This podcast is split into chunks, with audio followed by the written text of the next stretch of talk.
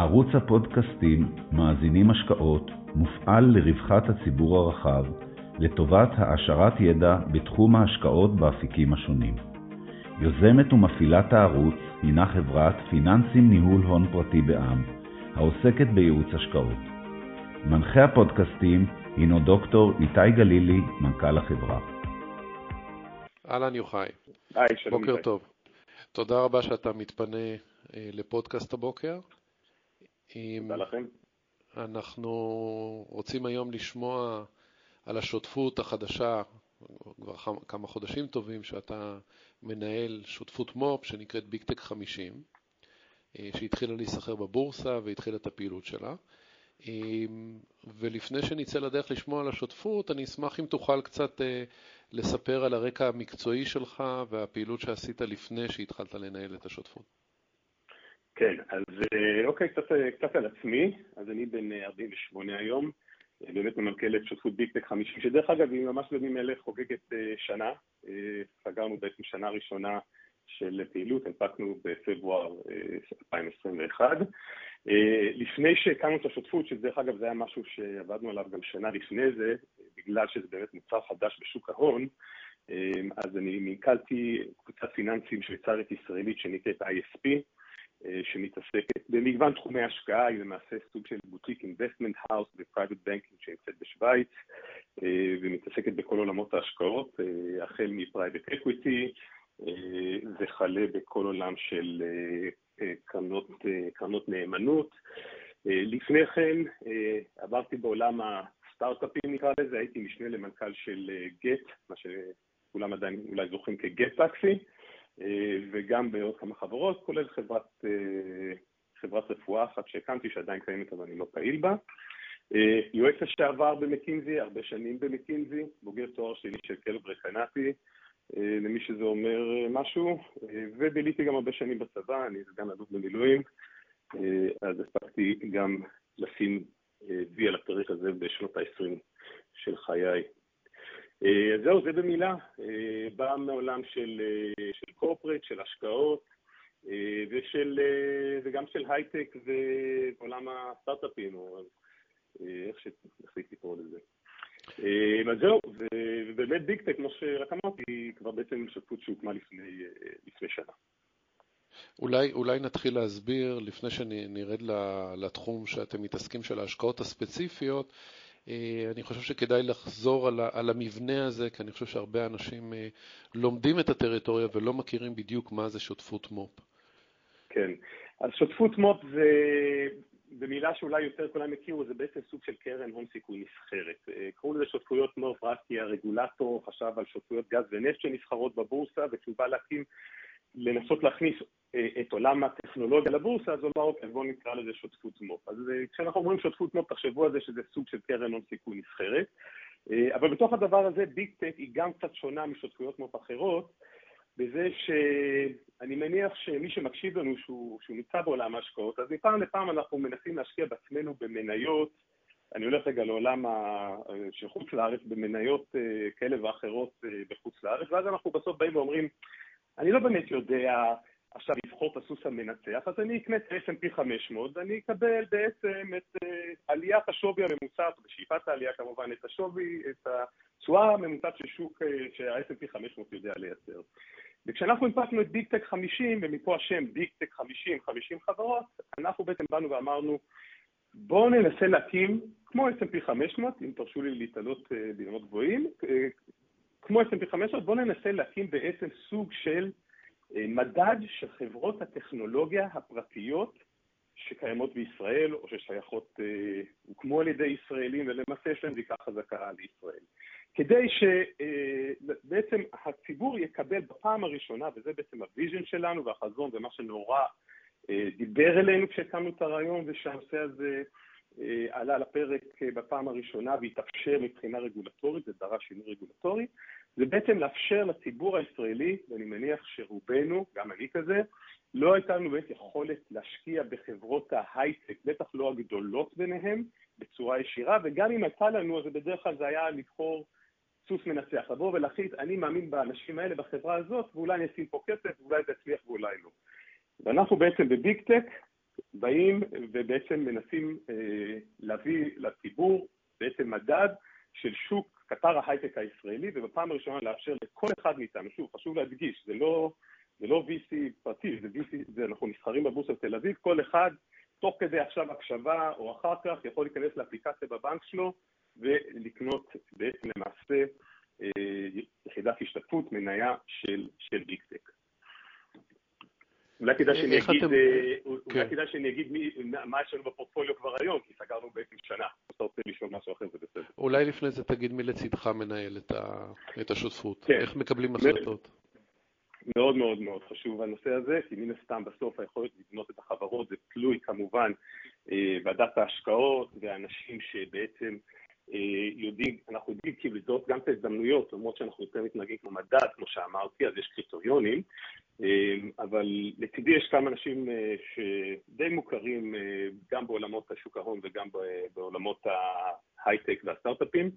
אז יושב ראש השותפות זה אריק צ'רניאק, אריק הוא יזם סדרתי, הוותיקים מביניכם אולי עוד יזכרו את השם Metacafe אי שם בתחילת שנות האלפיים, אבל מאז הוא הרבה חברות, הידועה מתוכן זאת ironSource, סליחה, זאת Supersonic אה, Ads שנמכרה ל ironSource לפני כחמש שנים ב-200 אה, מיליון דולר, ו- ולמעשה עד היום מהווה חלק מכמה פלטפורמת revenue אה, של ironSource.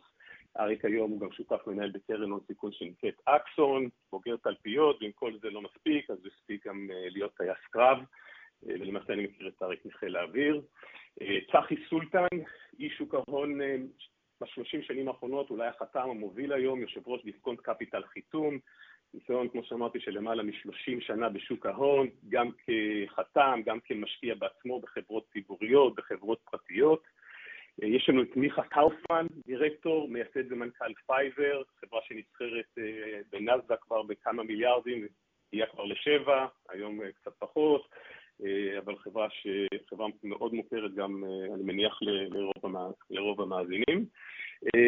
ויש לנו עוד דח"צים ודירקטורים בלתי תלויים בהיותנו שותפות ציבורית, יהל שחר, דירקטור מאוד מוכר ומוערך, שמי שנמצא בשוק ההון מכיר אותו, ולמעשה המודל השקעה שלנו, כמו שהתחלתי להגיד, בגלל שאנחנו מדד, זה שאנחנו אה, משקיעים בקריטריונים לפי, אנחנו, יש לנו קריטריונים ברורים להשקעה, וכל חברה שעומדת בקריטריונים, אנחנו בודקים האם אנחנו יכולים אה, להשקיע בה ולהכניס אותה אה, למעשה לתוך המדד שלנו, כאילו לתוך הפורטפוליו.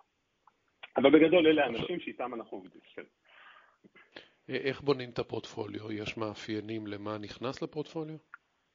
חד משמעית כן. תראו, כמו שניסיתי להסביר את הגישה שלנו של לייצר סוג של אה, ה-S&P 500 או ה Big Tech 50 של 50 חברות הטכנולוגיה הצומחות הגדולות בישראל, אז מהדבר הזה אולי אפשר להבין, ועכשיו אני אדגיש שאנחנו משקיעים רק בחברות שאנחנו, מה שנקרא חברות late stage, זה חברות שלמעשה כבר אה, יש להן מכירות בעשרות או מאות מיליוני דולרים, חברות ששוות כבר מאות אם לא מיליארדי דולרים, זאת אומרת זה חברות שהן עדיין סטארט-אפ, הן עוד לא נמכרו, הן עוד לא הונפקו, אבל כבר יש להן שווי יפה, ובעצם פתרו הרבה מחבלי הלידה של, אה, של חברות צעירות שהן בשלבים יותר מוקדמים, אה, והחברות האלה הן חברות שמהניתוח שלנו, וקל וחומר בשנתיים האחרונות אה, מאז פרוץ הקורונה והתקדמות הטכנולוגיה, בתוך חיינו. אה, החברות האלה למעשה עדיין צומחות ומייצרות תשואה פוטנציאלית מאוד יפה למשקיעים, ומצד שני, הרבה מסימני השאלה שבדרך כלל קיים בסטארט-אפ בתחילת הדרך,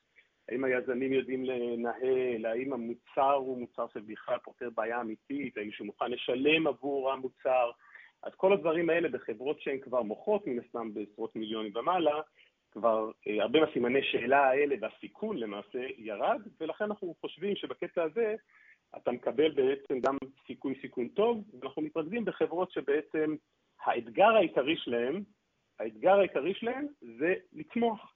אומרת, למכור עוד, לחדור לטריטוריות אה, חדשות, להיכנס לתחומים משיקים, להרחיב את המרקט שבזה בעצם האתגר הגדול. אה, ואלה החברות. ובהתאם לזה יש לנו קריטריונים מאוד ברורים להשקעה. אנחנו מסתכלים על כל החברות, כמו שאמרתי, שקשורות לישראל, אנחנו לא מסתכלים על אה, חברות שהן רק אמריקאיות או אנגליות או אסיאתיות, אלא חברות שיש להן, כמו שאמרנו, שיש להן זיקה לישראל. והחברות האלה צריכות להיות בשווי שוק של, בשווי, קיבלו שווי, והשווי נקבע לפי הסבבי גיוס שלהם לרוב, של לפחות 250 מיליון דולר.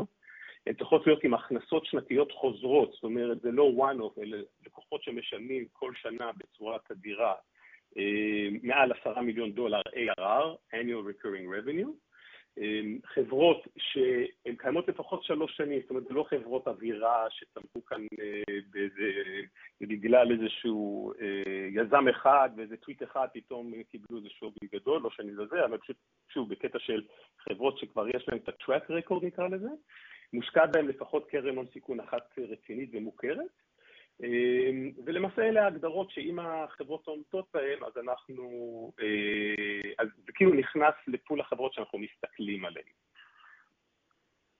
ו... ו... כן, בבקשה. כן, לא, לא, סליחה, תמשיך. לא, אז אני אגיד, ובהתאם לזה, יש כ-130 חברות היום שעומדות בקריטריונים האלה. בגלל שלמעשה אנחנו משקיעים בצורה של יותר, נקרא לזה, כמו שאמרתי, מנסים לייצר סוג של מדד, או אינדקס, ETF, כל אחד יבחר איך רוצה לקרוא לזה, אז, אז למעשה אנחנו קונים סכום של כמה מיליונים בודדים של דולרים בכל חברה, כי אנחנו רוצים בעצם לייצר סוג של פריסה אחידה, equal weighted, השקעה שהיא השקעה אחידה בין כל החברות, כדי שהייצוג הממוצע ייצג את החברות ולא יהיה לנו מן הסתם הטיה לכיוון איזושהי, איזושהי חברה. אז יש... מי המוכרים? מי, מי המוכרים בה? אז המוכרים יכולים להיות, המוכרים בדרך כלל זה בעלי מניות קיימים. אנחנו למעשה, אתה יכול לקנות בשתי צורות, או אתה יכול לקנות מניות מבעל מניות קיים, או שכמובן אתה יכול להיכנס לתוך סבב גיוס רשמי של החברה.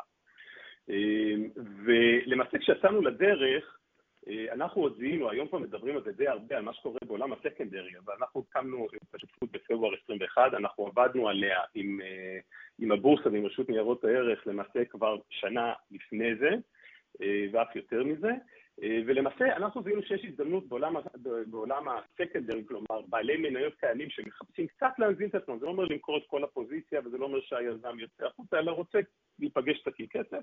יש הרבה כאלה, בין אם זה עובדים, בין אם זה היזמים עצמם, בין אם זה משקיעים ראשונים, ולפעמים גם קרנות שמחזיקות כבר את המניות, נגיד קרנות שמשקיעות בסיד, שמחזיקות כבר את החברה שבע שנים, או, ורוצות להיפגש עם, עם, עם הכסף. אז אנחנו קונים מהם, אנחנו גם נכנסים לסבבים רשמיים, אבל בגלל שאמרתי, אנחנו נכנסים בסבבים, בסכומים קצת יותר קטנים ביחס לגודל החברות כבר, אז זה קורה יותר במשורה נקרא לזה. עוד מעט נדבר על השקעות ספציפיות, אבל לפני זה בראייה הרחבה. אין לכם חשש שלמעשה כל התמחור שקורה עם החברות הפרטיות בשלב של הצמיחה הוא במחירים מנופחים? זאת אומרת, רואים את זה בשנה האחרונה בירידה מסיבית בהרבה מחברות הטכנולוגיה, בפרט בישראליות שנסחרות בחו"ל, הנפקות במחירים מאוד גבוהים. האם ה... אין לכם חשש שנכנסים פה לתוך איזושהי בועה שמתחיל לצאת מן האוויר? השאלה שאתה שואל היא שאלה, קודם כל שהיא שאלה שהיא בסדר גמור נקודתית להיום, בגלל מה שאנחנו באמת רואים שקורה בשווקים הנסחרים, כן, בשווקים הנסחרים, בגלל גם ענייני מקרו של ריביות ואינפלציה וכל מה שאנחנו מכירים את ההשפעה של, של כמו שאמרנו, ריביות על, על, על, על equities באופן כללי, ובטח על growth equity, כלומר חברות בצמיחה. אבל אז, אז כמובן שאנחנו מסתכלים על זה ונותנים על זה את הדעת, אבל בואו רק בשביל ההוגנות ההיסטורית, אם אנחנו מסתכלים, ואמרתי לכם שעשינו את הניתוח הזה, גם התחלנו למעשה לעבוד על זה עוד לפני הקורונה, לפני השנה, השנתיים האחרונות, שכמובן חברות טכנולוגיה מאוד מאוד צמחו, אנחנו באופן כללי רואים שבעשור האחרון, 2010, 2020, 2011, 2021, בעשור האחרון החברות האלה צמחו וצומחות יפה מאוד, גם אחרי ההנפקה שלהם. דוגמה קלאסית למשל זה Fiverr, ש Fiverr הנפיקה את עצמה לפי שווי של אזור ה-500 מיליון דולר, אם אני לא טועה, היום היא בשלושה מיליארד אחרי שהיא כבר הגיעה לשבע, ולכן אנחנו, בהסתכלות שלנו, גם אם יש איזשהו, וזה בעצם אתה מכוון, גם אם יש איזשהו רגע תיקון, אז זה רק, המשמעות היא בגדול של החברות האלה, כך הם יצמחו בקצב קצת ממוצע שנתי, קצת יותר אה, הדרגתי נקרא לזה. ואם רגע לתת מספרים למאזינים, אז שאנחנו, כמו שאמרתי, שעשיתי את הניתוח הזה טרום קורונה, הסתכלנו על כל החברות הישראליות שחצו את ה-250 מיליון דולר שווי, והסתכלנו איפה הם נכון לשנת 2020, כמו שאמרתי, אז אה, אנחנו כבר עבדנו על זה בתחילת 2020, ראינו שבממוצע שנתי החברות האלה צמחו בלמעלה מ-30% בשנה.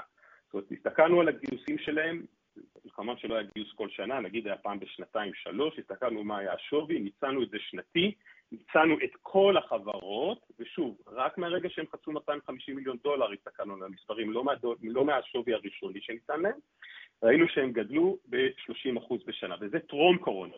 ככה שגם אם יהיה תיקון עכשיו ונחזור לכאורה למספרים לפני זה, אני חושב שגידול של 30% בשנה זה גידול אה, מאוד מכובד, אה, וזה, דרך אגב, ברוב החברות, עוד היה לפני שהם הלכו להנפקה, ששם הרבה פעמים השווי אה, עוד מוכפל אה, ומשולש, ו, ולכן אה, למעשה אם אתה מחליט את ההנפקה ואת, ואת המכירה אחרי ההנפקה, אז זה יכול להיות אפילו עוד יותר, עוד יותר גבוה. אז כן, אנחנו עם יד על הדופק, אנחנו לא נכנסים לכל עסקה, אה, אבל מצד שני, אה, אנחנו חושבים ששוק הטכנולוגיה הוא ימשיך להתקדם קדימה, הוא ימשיך לצמוח, אז אולי לא נראה את זה בקצבים של 2021, שהיו חברות שריבעו את השווי שלהם בשנה אחת, אבל גם אם חברה תגדל כל שנה ב-50%, כי היא ממשיכה לייצר הכנסות, היא ממשיכה לצמוח, הרי הביזנס עצמו לא השתנה, זה רק המכפילים וההסתכלות על השוק וביחס לאלטרנטיבות, אה, שבהרבה מקרים הוא מה שמשפיע, אז אם החברות הן ממשיכות לצמוח, אז אנחנו נמשיך לצמוח איתן. אה, יכול להיות שהקצב לא יהיה בקצב האסטרונומי שהיה ב-2021. אז בואו נדבר קצת על הפורטפוליו שנבנה, מה קיים כרגע ומה צפוי בהמשך מבחינת ה deal flow שאתם רואים. מעולה. אז עכשיו אני אעשה קצת name dropping של חברות. אה, אנחנו בפורטפוליו שלנו היום, למעשה בסוף שנת 21, אה, השקענו ב-15 חברות, כל, אה, זה למעשה היה הסכום שגייסנו, חלק ניכר מהסכום שגייסנו בהנפקה שלנו. ולפני שאני אגיד את השמות, אני רק אגיד שתקשיבו לשמות, אולי חלק, חלקם לא אגיד לכם הרבה, אם אתם לא לגמרי בתחום וזה בסדר גמור, אבל אני רק אגיד שאפשר, בין לבין תראו שהחברות נמצאות במגוון תחומים, זאת אומרת, בגלל שאנחנו סוג של מדד בהתנהגות רוצים להיות, אז אנחנו לא סקטוריאליים, אנחנו, זה לא משנה לנו אם החברה היא אה, בתחום של סייבר, או healthcare, או פינטק, אה, אנחנו רוצים את ה-best of breed. אמ, ובואו נעבור על החברות, חלקם אני בטוח שאתם מכירים, אולי חלקם פחות. אז החברות הראשונות שהשקענו בהן היו ironSource, חברה שאנחנו, בכל החברות שהשקענו, חשוב להדגיש, זה חברות שהשקענו בהן כשהן היו בידיים פרטיות עוד, לפני שהן עשו להנפקה. ironSource כמובן הונפקה, תכף אני אדבר גם על מימושים שכבר יש לנו, אבל בואו נעבור על השמות. אז יש לנו את Iron ו Payoneer שכבר מונפקת, ו Outbrain שכבר מונפקת מאז שהשקענו בה, Via, אה, שלפחות לפי הדיווחים אה, בעיתונות הפיננסית הגישה אה, מסמכים לקראת הנפקה. אה, Trax, שחברה מעולה שגם כן במקרה שבוע שעבר עליה, היה עליה כתבה שהיא גם כן מכוונת להנפקה באזור ה-3.5-4 מיליארד, אם אני לא טועה, זה מה שהיה כתוב בעיתון. ומה היא מתעסקת? Trax היא חברה בתחום ה retail, ובעצם היא עושה ניתוח של מכירות retail פיזיות, כלומר בחנויות עצמם יש להם מערכות צילום ואנליטיקה שבעצם יודעות לצלם את מה שנקרא עולם המדפים והפלנוגרמות בחנויות, ובעצם לעשות אופטימיזציה של מכירה ושל העמדה על המדף. אה, היא עובדת עם קוקה קולה וכל החברות הגדולות אה, שאנחנו, שאנחנו מכירים. אה, ובגיוס האחרון שלהם, שזה גם הגיוס שאנחנו נכנסנו, וזה היה כתוב בעיתון, אז אפשר לדבר על זה, אז גם סופטבנק נכנסו שם באיזו השקעה של כמה מאות מיליוני דולרים. יש את ורביט, שגם קצת הייתה בכותרות בחודשים האחרונים, חברה שעושה תמלול אוטומטי חכם, מבוסס בינה מלאכותית, לדוגמה, בתי משפט, סרטים, אה, הרצאות, נגיד תיקח את מה שאנחנו עכשיו עושים, אם היינו עושים את זה בווידאו גם, אז אפשר היה לתמלל אוטומטית מה שאני אומר ולהוסיף את זה בעצם כ... אה, להוסיף את זה אה, ככתוביות.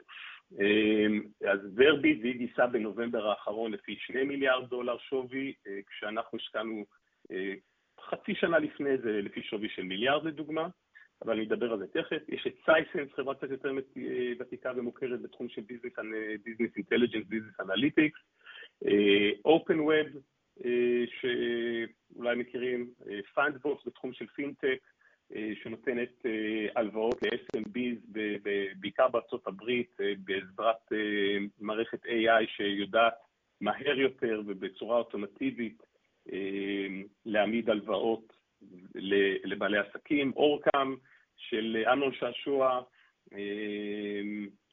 כמובן הממציא והיזם של Mobileye, שהוא ביחד עם זיו אבירם בעצם הקימו את אורקאם שמייצר מערכת של ניתוח תמונה עבור אנשים עם ליקויי ראייה, ומה שמדהים במכשיר הזה, אתה מסתכל, אתה שם נגיד קופסת כדורים מול, מול, מול המצלמה שאתה עונד על המשקפיים, והיא יודעת לקרוא לך את הקופסה ולהגיד לך מה יש ואיזה כדורים זה, סתם כדוגמה לשימוש יומיומי מעניין. Kenshoo, חברה קצת יותר ותיקה, נקראת היום Skai, שנמצאת בתחום של ניהול קמפייני, קמפיינים דיגיטליים, ותיקה ומצליחה עם הכנסות יפות, PerimeterX בתחום של סייבר, WhiteSource, נקרא לזה בעולם של סייבר ו open code, BlueVine פינטק Voyager Labs בעולם של אנליטיקה וחקירות דיגיטליות בעצם גם לעולם ה-Homeland Security, גם לעולם הבנקאות וכדומה. אז אלה 15 החברות, וכמו שאפשר להבין ממגוון סקטורים, אנחנו השקענו בכל אחת מהן באזור המיליון וחצי עד שני מיליון דולר, כמו שאמרתי, בפיזור די אחיד, וזה בעצם מי שהיום רוכש את המניה של ביג טק, בעצם מקבל חשיפה ל-underlying assets האלה. ואם כבר דיברנו עליהם, אז בואו רק נדבר איפה, איפה התיק נמצא ביחס לאיפה שהשקענו בו, שזה בגדול היה במהלך 21, אז ככה, שלוש חברות כבר הנפיקו, שזה איירון-סורס, פיוניר ו-Outbrain. כל מי שמחזיק מניות של חברה שהונפקה, הוא למעשה חסום למשך חצי שנה מלמכור אותה, למכור את המניות שלו, זה, זה חוק קיים רגולטורית, ולמעשה החברות האלה, ironSource, Payoneer ו-Outbrain, שהנפיקו באמצע השנה, המניות שלנו עליהם, כמו שאר בעלי המניות, משתחררות מחסימה ואפשר להתחיל לממש. אני לא ציינתי את זה, איתי, אולי כדאי להגיד, איפה בעצם המשקיעים שמשקיעים בביג-טק פוגשים את הכסף? אז א', כמובן שאם הנכסים שלי, שווי הנכסים עולה, אז גם שווי המניה אמור, אמור לעלות. אם השקעתי ב-Iron Source לפי 2.5 דולר למניה, והיום המניה נמצאת באזור ה-7, אבל היא כבר הייתה ב-12, אז זה כמובן אמור גם להשפיע עליי, על, על השווי של המניה. ואנחנו, המדיניות שלנו היא לממש את, כלומר, למכור את ההשקעה שלנו ברגע שהחברה מנפיקה ואפשר למכור, וכמובן אם היא נמכרה, והרבה פעמים כשחברה נמכרת אז אתה גם מחויב למכור למוכר, אז לממש גם שם, ובהנחה ובשאיפה שמימשנו ברווחים, אז אנחנו גם מחלקים 50% מהרווח כדיבידנד, זה כתוב בתשקיף שלנו וזה המדיניות שלנו.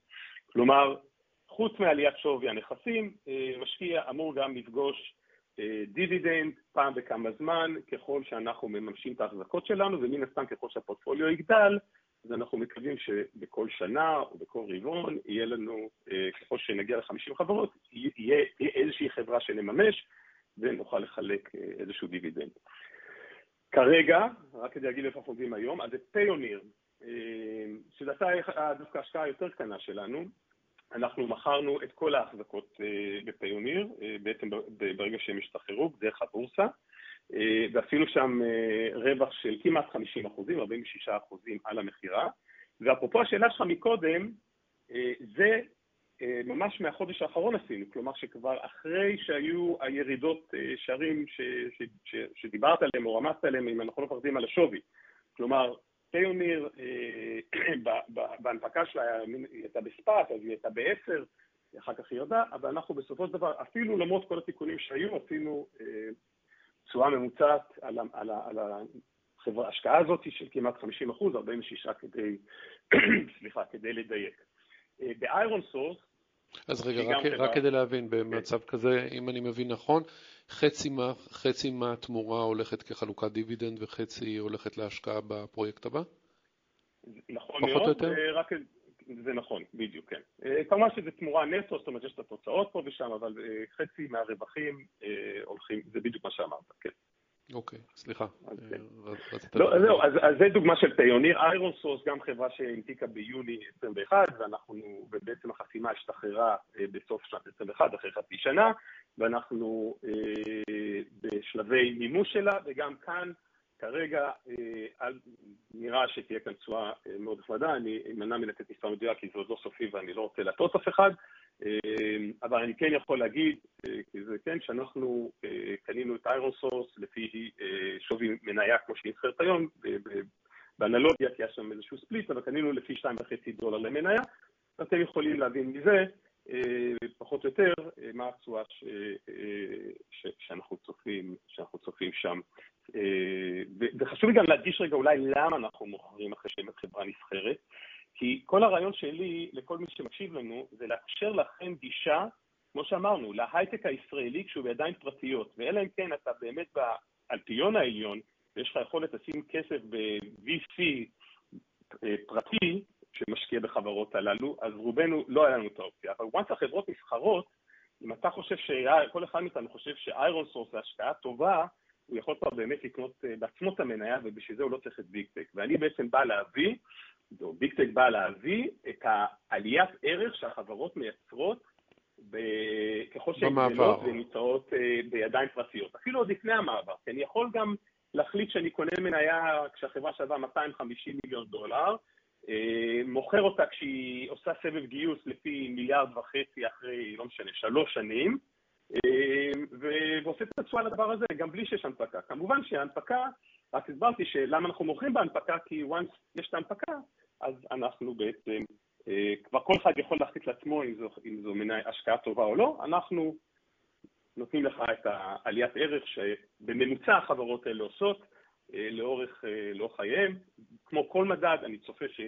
אה, אה, מהחברות יצמחו בטירוף, חלק יצמחו קצת, וחלק גם לא יצמחו, ויכול להיות שאפילו ירדו, ירדו בשווי שלהם. אם אתה יכול להסביר את המבנה של העלויות של השותפות, איך שותפות כזאת אה, מתמחרת את הפעילות? ו... בהחלט. אמ, אז השותפות שאמרתי, כששאלת אותי מה זה שותפות כמו אמרתי, זה בעצם קרן הון סיכון נסחרת, אז אנחנו מאוד דומים במבנה שלנו לקרנות ההון סיכון. אה, יש דמי ניהול, הדמי ניהול הם 0.8 אחוזים אה, מתוך אה, הנכסים המנוהלים, ויש דמי הצלחה, מה שנקרא דמי ייזום, שזה אומר, ש... או, או, או אולי מילה לפני זה רק כדי להבין, כמו, כמו קרנות ההון סיכון הפרטיות, ולכן זו גם שותפות, השותפות בעצם מורכבת משותף כללי, מה שנקרא GP, General Partner, ושותף המוגבל, ה-LP, ה-Limited Partner, שהמשקיעים הם בעצם, אה, הם, הם ה-LP וה-GP זה המנהלים אה, של, של הקרן, ואת הדמי הצלחה שהתחלתי להגיד, אז ה-GP אה, זכאי לדמי הצלחה שהוא 20 אחוז, שזה מה שמקובל בתעשייה, יש כזה משפט שנקרא 2 in 20, כאילו 2 אחוז דמי ניהול, 20 אחוז, 20 אחוז קרי, אז אנחנו ב-20 אחוז קרי, כלומר, וחשוב לי להגיד, ב-20 אחוז, שהשותף הכללי זכאי ל-20% מהרווחים אה, נטו שייצרו לשותפות בעת מימוש. אנחנו לוקחים רק אחרי שמכרנו את המניות, קיבלנו מזומן לקופה, לא על עליית שווי, אה, אלא רק על מכירה, וכמו שאמרתי, נטו, הכוונה היא שאם, לצורך ההמחשה הפשוטה, מכרתי מניה אחת, חברה אחת ברווח וחברה אחרת בהפסד, אז אנחנו כמובן מקזזים את ההפסד אה, מהרווחים, ועל זה זכאים אה, ל-20% אה, דמי הצלחה. שאלה אחרונה שרציתי לברר איתך, בשנה האחרונה, כפי שאמרנו, היה תנודתיות, ואי אפשר לשלוט על תנודתיות, לא, ב, לא בנייר שלכם ולא בשום נייר אחר, בגלל השפעות מקרו ובגלל תמחורים. אבל איך אתה חווה את השנה האחרונה במובן של היכרות של משקיעים מוסדיים עם ה-vehicle הזה, ועד כמה אתה רואה את שוק ההון כמבין את, ה, את, ה, את המכשיר ו, ורואה בו כ, כפלטפורמה, פלטפורמה שיכולה להתרחב קדימה? אני שמח שאתה שואל את השאלה הזאת, ואני אענה לה ככה. אני קודם כל מזהה שיש הבדל, יסלחו לי אולי חלק מהמאזינים, בין הגופים המוסדיים שמושקעים בנו, לבין אולי גופים קצת יותר פרטיים, אבל, אבל, אבל זה לא כאילו בינארי 1 או 0, כלומר, יש גם השלכות צולבות נקרא לזה, ואיפה ההבדל נובע, או מה, מה אני מזהה. קודם כל, זה, זה מוצר חדש, ויש תהליך, כמו כל מוצר חדש שנכנס לשוק, קורה שני דברים. אחד, יש תהליך למידה של כל הצדדים, וגם של המשקיעים. שתיים, יש רצון של המשקיעים אה, לראות ביצועים לפני שהם נותנים אה, אמון מלא. אה, ו, ושלוש, שזה קצת מתקשר לזה למעשה, אה, אמרתי תהליך למידה, הכלי הזה הוא, אם, VC פרטי, מי שמכיר את עולם הקרנות ההון סיכון הפרטיות, הן בעצם מגייסות כסף, והקרן, נגיד קרן מספר אחת, קרן מספר שתיים של, אותו, של, אותה, של אותה קרן הון סיכון כחברה, אה, היא בדרך כלל חיה שבע עד עשר שנים, ואז מחזירים את הכסף למשקיעים עם התשואה שייצרו להם אה, מהשקעה. מנסה לומר שהמוצר, גם המוצר שלנו, זה לא מוצר שצריך להסתכל עליו כמשהו לטווח קצר, או לעשות איזשהו פליפ, להשקיע עכשיו, למכור עוד שלושה חודשים, כי כמו שאמרנו, אנחנו בונים על עליית הערך הממוצע של החברות האלה לאורך השנים מגיוס, מגיוס לגיוס. ולכן נדרש כאן, אה, זה מוצר מדהים לדעתי, אבל נדרש כאן אה, להבין שכמו שאנחנו גם מראים עכשיו, אחרי שנה וכבר יש לנו תוצאות אה, טובות ומימושים ברווחים, אבל נדרש להבין שזה בעצם כלי שהוא עובד לאורך זמן, אה, ובשאיפה גם מייצר דיבידנדים לאורך זמן, אבל, אבל יש, יש לו, אה, צריך להבין את זה ולא לא להתרגש מכל מה שקורה לאורך השנה. זה כמו, דיברתי עם מתחילת הדרך, אמרתי S&P 500, אז אתה משקיע בזה מתוך הסתכלות ארוכת טווח, לא לחודש. ואני חושב שגם הכלי הזה, אה, אז זה בעצם השקעה לטווח ארוך. ובאמת מה שאני כרגע רואה, זה שכרגע, בוא נשים את הדברים על השולחן, היחידת השתתפות שלנו נסחרת מתחת לשווי הנכסים שלנו. אני מנוע מלשים מספר, כי זה מותר לעשות רק אחרי שיש דוחות אה, אה, מבוקרים, אבל אה, למעשה, אם דיברתי על זה שהשקענו וחלק מההשקעות שלנו עלו, חלק האחרות, בעצם לא אמרתי את זה עדיין, אבל לא נגענו בשווי שלהם, למרות שהחברות הן מעולות והכול, פשוט כי לא יצא שום דיווח רשמי מהחברות, אז סך הכל התיק שלנו, אה, בהסתכלות שלנו עלה, והמניה שלנו נבחרת אה, מתחת לשווי שבה הנפקנו. אה, ולכן זה מלמד אותי שהשוק עדיין לא לגמרי מבין את המוצר עד הסוף, או לא נותן בו את, או, בוא נגיד סוחר בו באיזשהו חסר כזה אחר, משהו שדרך אגב גם קרה כשקרנות הריט, אם אני אעשה רגע אנלוגיה, כל קרן חדשה שיצאה בזמנו הסתכלנו היסטורית על, על מוצרים כאלה, ראינו גם הם שבשנה הראשונה נסחרו באיזשהו, באיזשהו חוסר. אה, אבל מה שהתחלתי להגיד זה שאני רואה שהגופים המוסדיים יותר, כי אני מדבר איתם, אה, אני רואה שהם יותר מחזיקים וממתינים, ואפילו חלקם, כש, כשהמניה ירדה, קנו עוד, אה, והשוק, שאר השוק, שאני לא יודע מי זה, כי אנחנו לא יודעים מן הסתם מי הקונה והמוכר בכל רגע נתון, הוא, הוא יותר סוחר בתנודתי וקונה ומוכר אה, בהתאם אולי למה שקורה בעולם, בהתאם למה שהדיווחים שאנחנו מוציאים, אה, ולכן אני קצת רואה איזשהו שינוי בגישת השקעה. אה, מצד שני, זה, זה מוצר שצריך להתאים לכל אחד לפורטפוליו שלו. זאת אומרת, אני חושב שנכון שלכל אחד תהיה איזושהי חשיפה לעולם של growth לעולם של טכנולוגיה, אז כמובן שיש חברות גם טכנולוגיה שנסחרות בבורסה בתל אביב, אבל זה לא חברות ההייטק הקלאסיות והסטארט-אפ הקלאסיות שאנחנו מדברים עליהן, אה, ושאנחנו קוראים בדרך כלל עליהן בעיתונים ועל הגיוסים ועל הקרנות הגדולות מהעולם שהשקיעו בהן. אה, אז, אז כל אחד צריך לראות אם זה מתאים לו לפורטפוליו, אבל לדעת שזו השקעה שאמורה לאורך זמן להניב לך אה, רווחים או תשואה ולצמוח. וכרגע אנחנו עדיין לדעתי בשלב שבו אנחנו בונים, מה שנקרא, מעבר למה שאני מדבר ומנסה להסביר, דה פקטו להראות את זה במספרים, ודרך הבנייה של, אה, של, נקרא לזה, של ה-track record, אני מאמין שהשוק יבין יותר טוב את המוצר. יוחאי, תודה רבה על ההסברים, תודה רבה על הזמן, ושיהיה המון בהצלחה. אז תודה לכם, אני רק אגיד שאנחנו נקראים שוב למי שלא שמע, ביג טק 50, תחפשו את זה, שותפות ביג טק 50, זה, יחיד, זה בעצם, יש את יחידות השתתפות, יש גם אופציות שנסחרות, ואני מאחל לכולנו הרבה בריאות ושנה טובה, שנה 2022 מוצלחת. מקווה. תודה רבה.